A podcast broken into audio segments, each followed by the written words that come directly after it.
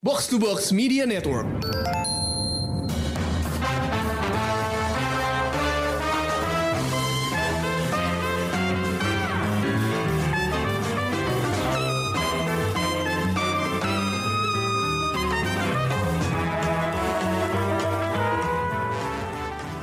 Pendengar Showbox, bareng gue lagi Amy dan kali ini gue bakal ngebahas sebuah film yang lagi hot-hotnya diomongin banyak orang. Uh, sekarang lagi main di bioskop meskipun jam tayangnya agak-agak minim ya.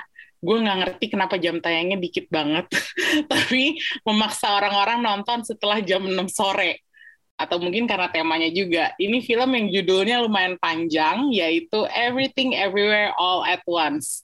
Dan gue di sini bareng sama Krisna Marengga. Hai guys. Hai. Halo.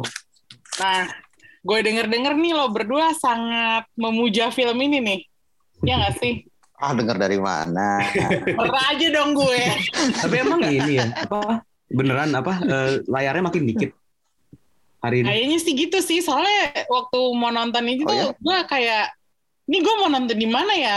Adanya Oh. tuh di atas jam 6 semua. Soalnya gue weekend kemarin sih eh, lumayan rame di studio yang gue nonton ya. Oh, tapi lo nontonnya malam apa siang? Eh malam. Nah, itu itu yang jadi problem. Gak ada jadwal siang. Gue nggak. Waktu itu ada jadwal siang sih. Oh gitu. Mm-mm. Wah, mungkin. Kayaknya emang emang ditujukan untuk penonton-penonton dewasa juga kayaknya. Orang-orang kerja ya. Iya, kemarin juga hari apa sih gue nonton? Eh, hari apa sih ya? Selasa. Dua hari, dua tiga hari yang lalu lah kalau nggak salah. Hmm. Eh, itu juga ramai, tiga perempat keisi lah. Gue nonton di malam ya? malam, hari Senin gue nonton ya Hmm. Oh, itu Oke, mungkin di ada. mana? Plaza Senayan. Itu dia maksud gue. Kayaknya nih film memang nggak se- nggak buat apa ya? Nggak buat eh masyarakat umum gitu loh kayak hanya Untuk semua kalangan kali ya. iya menargetkan suatu apa ya kalangan tertentu gitu karena kalau menurut gue filmnya cukup agak susah sih untuk di di apa ya dicerna itu pendapat gue Hmm.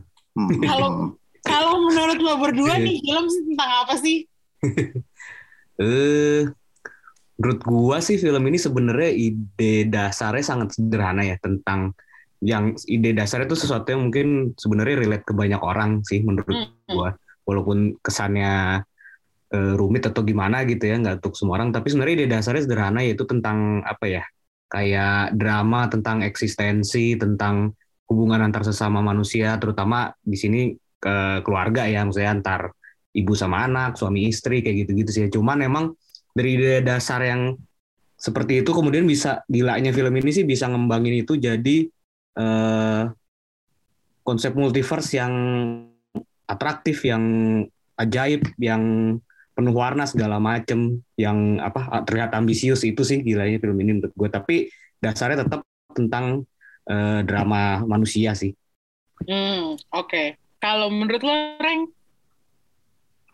tentang tentang kehidupan. Spotlight tentang kehidupan dan cinta sih sebenarnya cinta. Kalau di sini kan yang ditonjolkan kan cinta apa ya?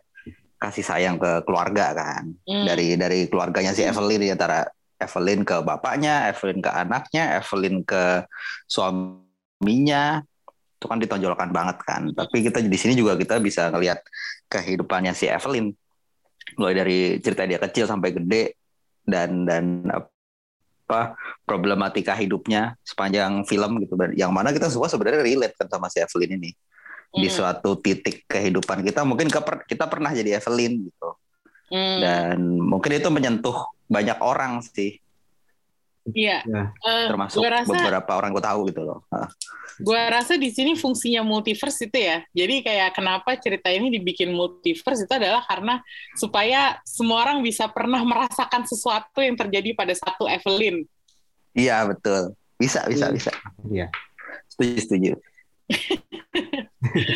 soalnya juga apa Ya, apa ya? dulu, dulu. kan multiverse juga lagi ngehits kan hmm. kemarin ada Doctor Strange cuma kemarin gue sempet baca juga katanya si Daniels Brother ini sebenarnya udah punya ide cerita ini tuh dari 2010 kalau nggak salah ya. Ya udah agak lama ya. Udah lama banget. Iya, eh, makanya katanya ketika waktu ada Spider-Verse nongol, mereka tuh katanya dongkol banget. Keduluan. Dulu Ide mereka tuh merasa dicuri. blockbuster. duluan, nah, gitu. iya. Makanya baru bisa terwujud sekarang nih dan dan dan ternyata konsep multiverse-nya nggak kalah sih. Hmm, Lebih canggih malah mungkin. kalau Kece menurut dan gue malah iya lebih canggih dan original. Iya, itu dia. Dan konsep multiverse terasa lebih fresh aja gitu. Betul. Hmm. Dan menurut gue juga ini sih apa ya konsep multiverse tuh bisa memperkuat si dramanya gitu. Jadi lewat perjalanan multiverse-nya yang rasanya lumayan eh, rumit, lumayan beragam apa segala macem, lumayan absurd kan. Hmm? Eh, itu ujung-ujungnya bisa memperkuat drama di belakangnya menurut gue jadi lebih powerful gitu ketika kita sampai ke inti ceritanya tentang si Evelyn dan keluarganya ini gitu menurut gue sih jadi kayak Hmm. bukan cuman keren-kerenan atau apa gitu tapi tapi itu perjalanan yang bikin kita bisa lebih mengerti eh, Evelyn lebih mengenal Evelyn di universe utama yang kita lihat di sini gitu ya Iya. Betul. Hmm. Saling ini ya, saling menyokong satu Tapi- sama lain ya. iya menurut gua Iya sih. Tapi kalau lo ngomong perjalanan, Chris, gue merasa perjalanan ke inti ceritanya tuh rada lama nggak sih? Kayak gue gue nonton separuh film tuh kayak belum nangkep mau ke mana ini gitu mau ya mau ngapain sih Iya. sebenarnya gitu. Itu ah, itu itu jujur aja bikin agak agak resah sih kalau gue nungguinnya kayak ini kok nggak nyampe nyampe gitu. Ya, karena Lu durasinya mau kepanjangan menurutmu. Bukan Hmm. durasinya juga sih, cuman kayak ada sesuatu di narasinya yang kalau menurut gue bisa lebih straightforward aja gitu. ah Terlalu muter-muter ya kayak iya itu everything happen all at once gitu loh. Iya betul Ya betul. kan? betul. Terus udah gitu kayak eh, dia oke dia ceritanya ada hubungannya kan dengan Evelyn Evelyn lain di multiverse-nya ini gitu. Cuman kayak multiverse-nya tuh kalau menurut gue kebanyakan aja nggak sih? Ya mungkin kayak buat lu merasa biasa aja. Cuman gue merasa kayak ada backstory backstory-nya Evelyn yang lain yang kalau menurut gue kayak bisa dipangkas gitu. Hmm. Kalau kalau menurut gua sih justru setiap backstory-nya itu walaupun kesannya kayak nggak penting, tapi justru eh, bahkan kita ditunjukin berbagai kehidupan dia di, di di universe lain yang justru lebih sukses gitu kan bisa dibilang dibanding Evelyn yang kita apa Evelyn yang di universe Hmm. utama yang kita tonton gitu karakter utama di Ya. film ini gitu. Cuman dari situ justru menurut gue itu makin memperkuat karakter Evelyn di di apa yang utama gitu kalau menurut gue jadi eh, kesuksesan-kesuksesan itu tuh eh, pada akhirnya nggak lebih penting dari eh, apa ya keluarga dan eh, berbuat baik gitu menurut gue sih jadi Iya sih. tetap tetap walaupun kesannya s- apa ya kayak terlalu banyak terlalu ini gitu ya terlalu tumpang tindih atau gimana tapi ujung-ujungnya itu justru semakin memperkuat karakter Evelyn sih menurut gua Hmm, oke boleh juga take lo. Tapi kalau gue masih merasa itu eh, apa ya, secara naratif bisa lebih ringkas gitu. Itu cuman apa kayak mungkin gue terbiasa sama film yang satset-satset gitu loh. Jadi kayak apa sih selesainya tuh nggak nggak pakai lama-lama gitu. Cuman ini tuh menurut gue agak ngelantur dikit gitu istilahnya. apa karena ini karena gayanya yang terlalu apa komedinya yang mungkin apa ya nggak nggak apa nggak untuk semua orang gitu Iya sih, bisa jadi sih. Soalnya kayak humornya tuh ada juga yang bikin gue kayak, hah? Gitu loh. Ngapain sih lo? Gitu. kayak, kalau menurut gue, komedinya itu agak sulit diterima ya. Jadi gue nggak bisa ta- ketawa lepas gitu. Humornya sebenarnya ini sih menurut gua humornya laki banget. Ma- ah, Humornya Cuknya. apa? Lo humornya tuh cowok banget gitu loh. Oh, ya. cowok banget. Oh, Iya, yang banyak humor, humor apa ya? Humor jorok, terus humor humor aneh, nggak masuk akal gitu loh. yang pada buat buat buat beberapa orang ya itu lucu gitu dan gue Hmm. termasuk yang kayak ya gitu ketawanya cukup ketawa gitu loh Gue tuh Iya, baru Oke. Kalau di beberapa part sih apa ya kayak emang kadang lucunya terasa aneh gitu ya. Tapi di beberapa part juga gua menurut gua cukup cukup fresh untuk dimasukin ke elemen multiverse-nya gitu kan kayak eh, apa ya kayak mereka untuk untuk bisa terkonek dengan dengan diri mereka yang lain di universe lain kan mereka harus melakukan sesuatu yang aneh-aneh itu kan. iya Nah, itu menurut gue cukup cukup ide yang cukup fresh sih dan dan dieksekusinya cukup berhasil sih menurut gue. Wah jadi apa kesan anehnya dapat tapi tetap lucu kalau buat gue sih. iya nggak nggak nggak semuanya nggak semua jadi lucu haha sih tapi kayak Iya sih. apaan sih gitu tapi Karena- ada juga ada juga momen yang lucu haha gitu Karena menurut gue balik lagi filmnya emang udah dibikin dengan eh, konsep yang ajaib gitu ya. Jadi ketika ada iya ketika ada hal-hal yang terasa sangat nggak masuk akal gitu mungkin ya terlalu aneh ya Hmm. masih masih Iya. ini masih masih sesuai garis apa sesuai dengan te- apa style filmnya gitu kalau menurut gua sih. Hmm, filmnya juga tidak menganggap filmnya film Serius. serius, gitu Heeh.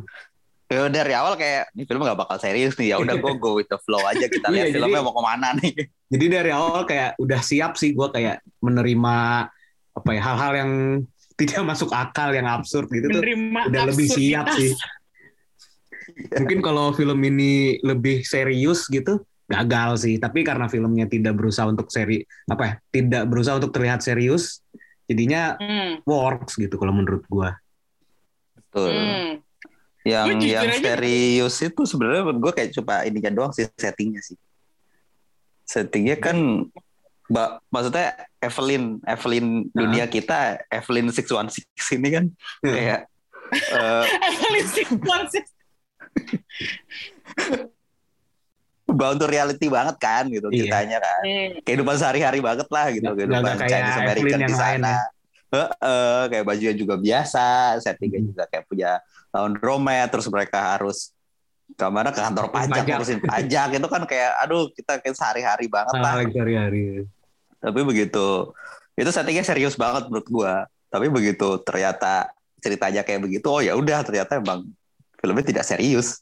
Hmm, Walaupun balik lagi ini sebenarnya eh, ide dasarnya tetap serius kan drama drama. Betul ha, ha, ha, ha. inti ceritanya sebenarnya sangat sangat serius sih. Stylenya ya mungkin. Iya gaya penceritaannya. Iya gaya mm, betul. Ha, ha. Kalau gue sih jujur aja baru ketawa waktu ada Raka Kuni sih. Karena Oh. itu si Raka Kuni itu kayak adegan terakhirnya kan mereka kayak gendong-gendongan kan. Maksud gue itu lucu banget sih. Itu.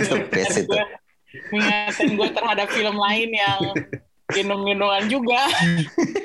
berantem juga gitu kan Iya. Gitu. Tapi maksud, gue eh, momen-momen kayak gitu tuh menurut gue eh, iya sih gue tahu filmnya bukan film serius tapi gue kayak lebih mengapresiasi humor yang kayak Raka Kuni dibanding humor yang kayak eh, tangan sosis Hmm. ngerti nggak lo? Oh. Terus itu kayak yang apa ya? Yang itulah yang ada hubungannya sama butt plug itu itu yang menurut gue banget sih. Tapi, tapi kalau soal kayak tangan sosis itu menurut gue sih detail yang detail yang menarik ya karena kan di sini Iya. diceritain kayak setiap universe itu setiap keputusan kecil yang dilakukan di universe itu akan mengubah segalanya gitu kan di dunia itu gitu kan di situ kan di awal terus di, di dijelasin kenapa eh, orang-orang di dunia itu tangannya kayak sosis kan karena di zaman pra manusianya gitu kan eh apa manusia purba yang bertangan seperti itu tuh yang berhasil mengalahkan ini kan manu, apa manusia purba yang berjari seperti kita kan makanya akhirnya evolusinya manusia berkembangnya jadinya tangannya tetap kayak gitu kan Adegan itu absurd banget loh. Digebukinnya ya. pakai tangan sosis gitu kan. tapi itu kan detail yang semakin ini kan semakin memperkuat ide tentang sedikit keputusan sekecil apa pun akan mengubah segalanya gitu kan iya. ha, ha. Gue setuju sih, gue nggak menolak apa kata lu ya. Tapi ditampilnya terlalu aneh gitu ya adegan tangan sosis itu buat gue sangat absurd. Apalagi ketika terus ada orang apa yang eh, nari-nari berdua cewek cowok di TV terus udah gitu mereka tangannya juga sosis gitu Terus gue bingung mereka ada keluar keluar master nih, master sama saus gitu. Hot dog ceritanya Iya, Iya. juga. Tapi kan gak dimakan ya. Tapi kan mereka ngunyah-ngunyah Iya sih, yang dikunyah apa jarinya Terus berarti. kan jadi lucunya juga mereka jadi berkembang sangat ahli menggunakan kakinya kan. Akhirnya ketahuan kan gunanya pas Iya. terakhir. Kakinya mereka, mereka bisa main piano berantem. dengan kaki gitu kan. Oke deh, gini deh, gue tanya sama lo, eh, selain komedinya yang buat lo eh, lucu, apakah ada unsur-unsur lain yang lo kagumin dari film ini? Hmm, ya itu tadi sih kalau menurut gua bisa film ini walaupun style apa terlihat sangat apa ya sangat absurd gitu sangat aneh Hmm. tapi eh, tetap punya porsi yang seimbang sama dramanya sih kalau menurut gua It- dan itu saling memperkuat gitu nggak nggak nggak tumpang tindih nggak ada yang porsinya mengalahkan yang satu gitu kalau menurut gua proporsinya pas sih Kan maksud gue, Chris, kayak eh, unsur yang gue maksud tuh kayak apakah visualnya, oh. plotnya, Ya, ya, atau villainnya, atau misalnya kayak kostumnya gitu. Karena kalau Hmm, menurut gue di sini ya itu yang tadi Rangga bilang, kostumnya di dunianya di dunia nyatanya Evelyn itu yang Evelyn sangat 616 realistis. Itu realistis tapi kayak jadinya malah spesial gitu kalau Hmm. buat gua dan semakin mempertegas bahwa si musuhnya itu Jobuto Paki itu adalah bukan dari dunia itu gitu. beda ya karena tampilannya sangat beda gitu pas muncul Iya. Iya sih dari Gue universe suka tuh itu running running jokes itu. Tuh pakai itu. Terus sepanjang film kayak si Evelyn nggak bisa nggak bisa nyebut namanya dengan bener kan? di terakhir doang akhirnya dia Di bener. terakhir akhirnya dia bisa nyebut namanya dengan bener kan? Juju Dan Chewbacca. itu jadi klimaksnya kan ketika akhirnya dia berhasil nyebut dengan bener kan iya. kalau gue sih selain itu mungkin ininya sih teknisnya gue gak kebayang ini editingnya kayak apa ngerjainnya Hmm, Hmm, Iya sih. Ini sih ide dan gaya penceritaannya gue suka banget sih. Hmm, Maksudnya dari dari dari ide ide ya mungkin ide ide dasarnya kayak ah gue pengen film tentang bikin film tentang multiverse nih. Mungkin ya mungkin gitu. Hmm, terus tiba-tiba kayak ah tapi kalau multiverse doang mungkin bosen kali ya. Terus mereka ketika mereka dapat ide tentang keluarga yang mungkin eh, mereka si Daniels bersaudara ini dapat juga mungkin dari kehidupan mereka ya. Lo bilang mereka bersaudara padahal mereka satu. Bukan. Saja enggak gitu. mereka bersaudara ya? Enggak Daniels. De- satunya Daniel oh iya ini kayak Timo ya? Iya. Oh iya. Mereka juga nggak nyebut Daniel Brothers lagi iya sih. Mereka nyebutnya Ya, Daniel tapi mereka itu mereka kan Chinese American ya, jadi kayak Yang satu menceritakan enggak. kehidupan mereka aja kan. satu Daniel Kwan satu Daniel Sainer. Oh, Yang satu iya. Jewish kayaknya. Iya. Tapi kalau menurut gua sih kebalik keren justru kayaknya dia ide dasarnya dari tentang itu dulu sih. Menurut gua mungkin ya itu kayak salah satunya karena mungkin si Daniel yang sat Daniel Kwan kan ya karena dia punya latar belakang Asian American gitu kan. Jadi dia justru dari ide dasarnya dari drama keluarga dulu sih. Baru terus berusaha dikembangin biar nggak apa ya kayak gimana ya biar drama keluarga kan udah banyak gitu kan. Kayak cuman dikasih dikembangin jadi apa yang eh, konsepnya biar lebih wah gitu biar beda ya mungkin terus kepikiran konsep multiverse ini gitu Hmm, bisa juga sih. Eh, ya kita cuma menebak-nebak sih kita cuma nebak-nebak aja, tapi tapi apa namanya? Either way, yang mana pun duluan, tapi mereka ngegabunginnya itu menurut gue sangat apa ya? Sangat jenius pas sih. Hmm. Hmm. Pas banget proporsinya. Iya, iya. Kalau misalkan itu miss sedikit gitu, yang mana kebanyakan sedikit itu bakal nggak bakal Fail. bekerja gitu, Hmm. bakal jadi meh gitu, bakal jadi Iya, apaan betul. sih ini film Iya. gitu, sok Iya. banget jadinya bisa jadi kayak gitu. Ditambah eksekusinya kan oke banget kayak ke Krista bilang tadi, editingnya parah sih. Pusing banget Lembur. itu editornya pasti lembur kerating deng tiap malam pasti. Red Bull. oh ya Red Bull di sana. Red Bull orang lama lu Udah nggak ada. Udah nggak ada sekarang ya. Udah Red Bull lagi. iya bener juga sih. Tapi lo ber- maksudnya bagi lo berdua ada nggak sih hal yang maksudnya agak cringe dari film ini atau yang bikin lo garuk-garuk kepala terus kayak mikir wah harusnya bisa Hmm. lebih baik gitu. Dari lu apa?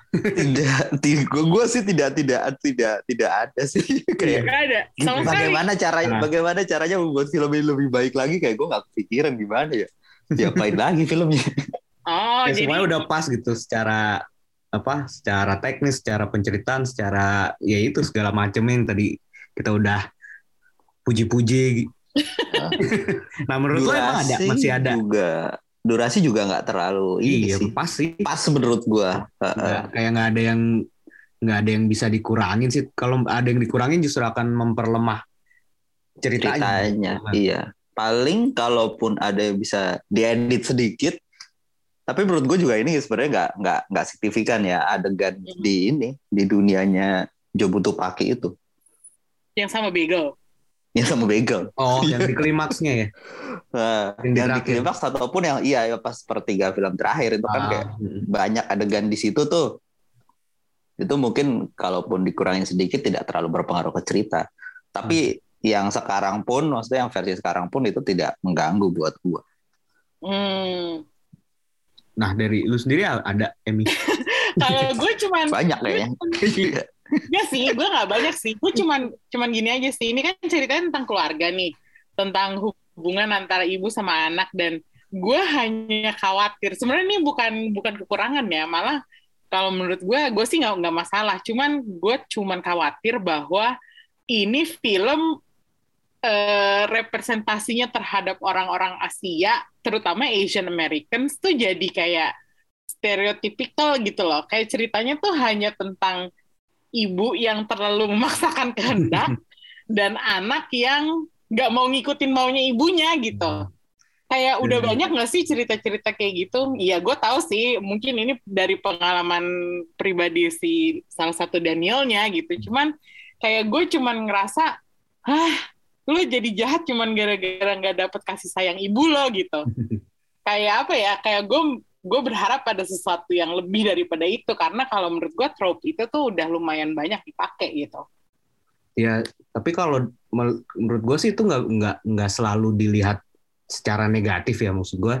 Karena itu kan emang sesuatu yang real gitu ya, apa gap genera generation gap gitu kan. Hmm. Beda generasi, beda pola pikir, jadi kadang eh, keinginannya pun beda gitu ya. Cuman selalu kan di film-film semacam ini gitu ya, memang udah udah udah sering ya eh, kita menemukan eh, pola hubungan keluarga di drama keluarga yang hubungannya seperti ini gitu ya. Tapi ya selain itu memang mungkin realitasnya seperti itu banyak terjadi. Tapi kan selalu di ujungnya kita bisa melihat eh, akhirnya tit- akhirnya bisa bisa di ada titik temunya gitu lewat komunikasi sebenarnya sesimpel itu kan lewat kompromi akhirnya Hmm. saling malah pesannya kan selalu seperti itu kan dan itu menurut gue bu apa ya bu nggak selalu jadi sesuatu yang negatif sih Iya sih, gue gue sadar bahwa mungkin ini kayak hanya kekhawatiran gue pribadi. Cuman gue merasa kayak terlalu, gue merasa akhir-akhir ini gue lumayan banyak nonton film yang yang di mana temanya seperti ini ya temanya seperti ini dan ibu-ibu Asia tuh kayak dianggap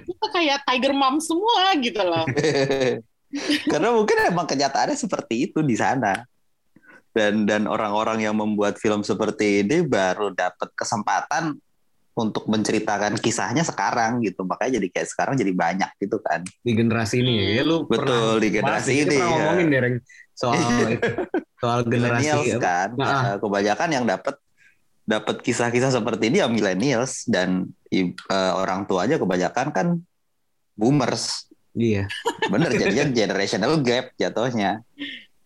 Mungkin nanti kalau misalkan berapa tahun ke depan Gen Z bikin film ceritanya udah beda lagi beda isunya. lagi. Jadi Eh, emang eh, emang ini ya pas sutradara-sutradara generasi sekarang mayoritas ya emang ada melewati fase itu gitu ya. Betul ha, ha. nggak ya jatuhnya nggak cuma sutradara sih kayak generasi kita generasi Iya. milenial kayak hampir semuanya mengalami hal-hal seperti itu kan. Isu Bukan isu cuman- ini gitu loh. Iya, sebenarnya bukan cuma Asian American doang kan kayak belum lama kayak film Indonesia pun kan ya. Ngeri ngeri sedap gitu kan berputar di Asian yang people sih gue rasa ya. Iya. Mungkin lebih spesifiknya ya. Nah itu dia yang gue khawatirkan adalah ini kan film ditonton sama seluruh dunia nih, maksudnya apalagi nggak cuma di Indonesia aja, tapi di negara-negara yang banyak streaming service kayak Amazon. Ini film udah soalnya udah udah main di Amazon sama di Google Play. Kalau di luar negeri lo bisa dapetin gitu. Mm. Gue cuman takut aja mereka melihat wah lagi-lagi cerita Asia nih kayak begini lagi nih gitu. Jadi gue takutnya orang-orang di luar sana tuh kayak merasa orang Asia tuh sama aja semuanya gitu. Ya mungkin kenyataannya memang kita semua sama aja ya. Dan mau Chinese American sampai Indonesia tetap aja ada cerita-cerita kayak gini gitu. Cuman gue takut aja persepsi orang luar tuh nganggepnya tuh nggak bagus gitu. Hmm. Makanya itu yang gue agak-agak kemarin waktu nonton si Jobuto Paki, maksud gue si Joy Hmm. sama ibunya di lapangan parkir itu yang di depan laundromat mereka, gue merasa agak-agak uncomfortable aja nontonnya gitu.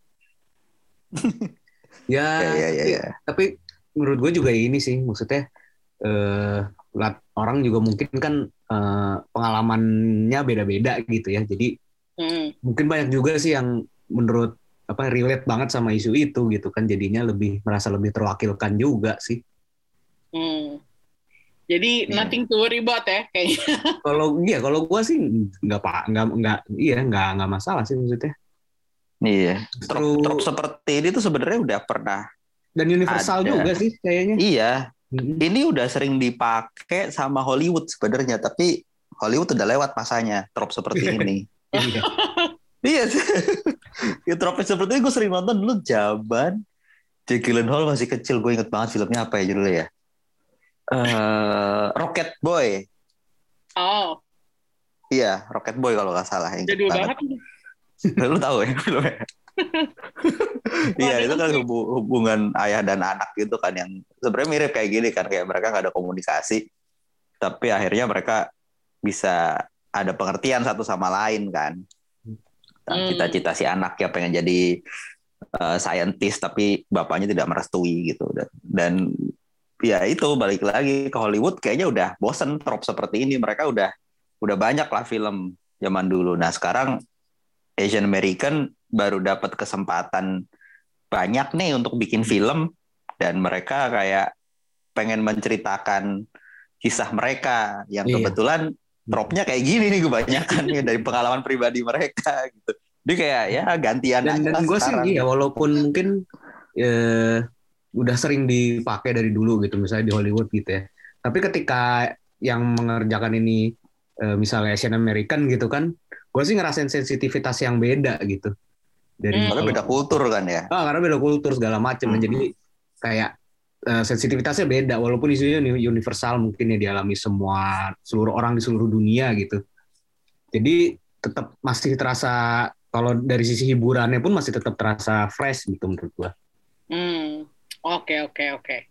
Nah sekarang nih kita tiba di satu eh, topik yang gue rasa nggak nggak mikir banyak nih ya menurut gue. Penampilan Michelle Yeoh menurut lo Oh. spektakuler biasa aja atau ngebosenin? Kayak nggak mungkin ngebosenin sih.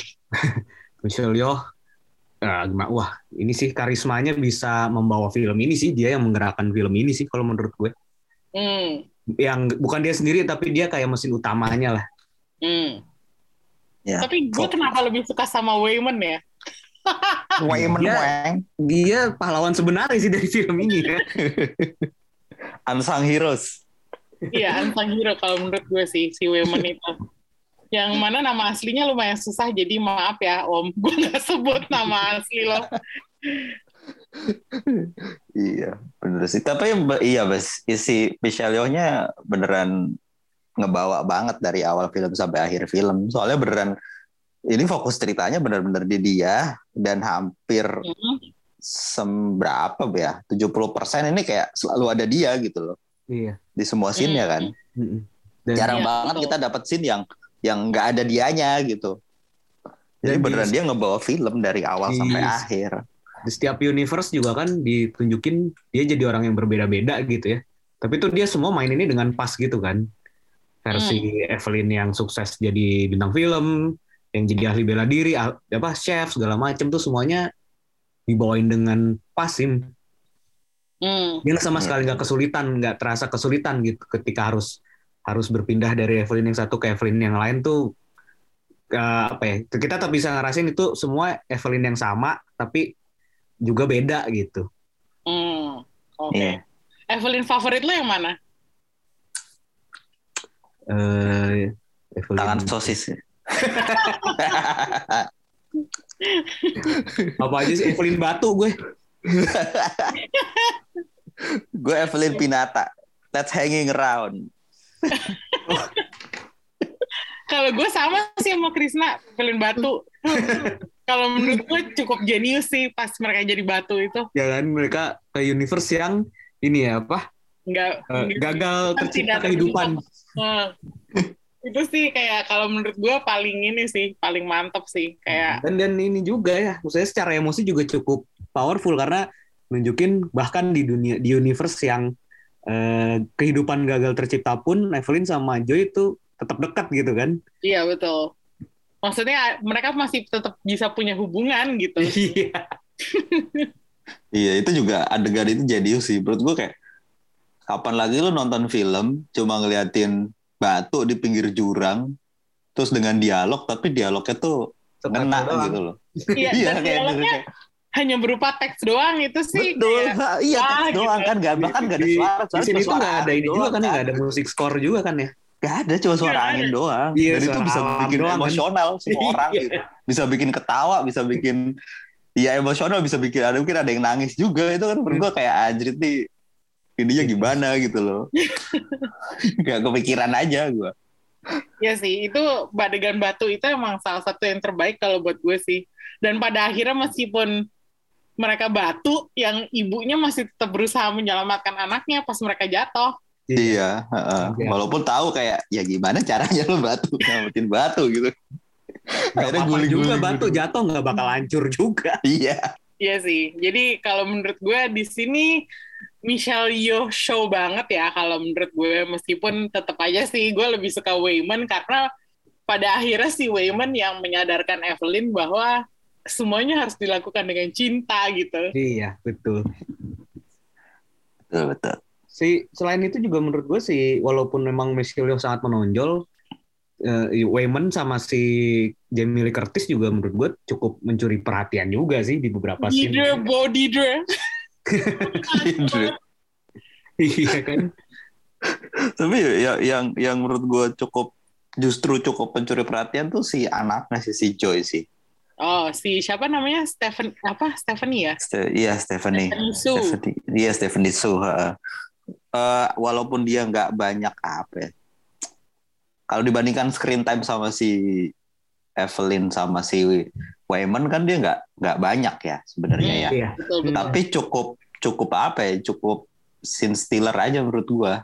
Signifikan sih karakternya. Iya, heeh. dan dan bagaimana dia bisa jadi Joy yang galau terus kayak bingung mau ngapain gitu tiba-tiba jadi bisa jadi si Paki yang ke- yang mukanya songong gitu kan kayak aja keren nih. Apalagi pas berantem dia gonta-ganti kostum itu keren banget. Yang Kostumnya ngebukin. agak- Kostum Iya. kalau menurut gue agak-agak ini sih kayak sebenarnya tuh over the top gitu ya cuman kayak Iya, bukan betul. kevilenannya dia gitu loh itu sebenarnya salah satu apa kayak cara menunjukkan bahwa dia tuh emang satu depresi makanya Hmm. bajunya kayak gitu dua kayak setengah apa ya emang udah nggak waras aja makanya baju aneh-aneh banget kan Sebenarnya ini juga kayak menunjukkan dia udah walaupun udah jadi super villain, tapi sebenarnya yang dia butuhin cuma perhatian gitu, kayak caper gitu kan. oh bener juga bisa juga Heeh. Iya, makanya baju dia- ajaib gitu M- apa berpenampilan sangat mencu- apa menonjol gitu. iya iya Mencolok, mencolok. Heeh. iya sih make Dan- sense make sense dan ini agak-agak lucu juga ya waktu di saat dia jobunya udah nggak di dia lagi di Joy 616 dia kayak malah nyari emak sama bapaknya gitu kayak mam open the door gitu kayak oh iya bener. Hmm, dia malah nyari emak bapaknya terus udah gitu kayak ya itu caper lagi minta perhatian lagi Iya bener. Kakeknya juga menurut gue cukup pede sih. Siapa Oh, iya namanya? James Hong. James Nah. Hong. Udah legen- legendaris banget sih. Dan gue Yoi. kayak gue kayak merasa penampilan dia tuh kayak di situ tuh kayak bu- apa ya? Tadinya gue pikir cuma tempelan doang. Tapi, Iya, gue juga mikir Iya, iya. gitu. tapi ternyata Ternyata pas dia pakai armor pas- dari Oh itu keren banget. kantor itu keren banget loh. Iya.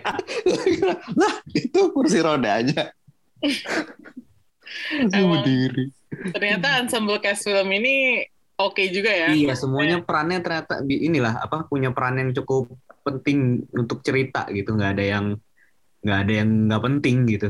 Iya, Iya. superficial gitu. Maksudnya semuanya berkontribusi terhadap narasi ini. Iya betul. Iya, betul. Si siapa tuh? Tadinya si Stephanie Su itu eh si Joy itu yang Hmm. mainin si itu awalnya si Auka Kavina. Dah, Oh iya, Males kan lu? pantas apa enggak? gue sih kayak enggak sih malah jadi geges kayaknya. Terlalu jenaka mukanya. iya dan Aquafina kan gaya aktingnya gitu-gitu doang. Gitu. Iya, sebelum belum ini ya kita belum pernah lihat dia di luar se- apa sih yang biasa dia mainin kan. Iya dia Iya. kalau menurut gue gaya aktingnya cuma di cerewet doang, model cerewet doang. Mhm. Tadi dia ada satu film apa sih? Film serius yang cukup Oh iya sih. Lumayan Ya, itu kan. tentang drama keluarga juga kan ya. Iya, nonton sih keluarga. Asian American gitu juga Hmm. kan. Yang katanya dia lumayan dipuji aktingnya Nah, gitu. hmm. Tapi gue belum nonton juga sih. Jadi Belum tidak bisa menilai. Ha, ha. Tapi kalau dari itu sih kayak kayak nggak cocok. Tetep. Menurut gue si pemeran-pemeran di sini udah pas gitu. Maksudnya kalau Iya, orang Iya. lain tuh agak gue gak kebayang sih, jujur aja. iya gak kebayang sih udah udah melekat banget menurut gue Iya. perannya sih. Apalagi yang jadi si Wayman kan, maksudnya dia terlihat sangat ini kan apa ya?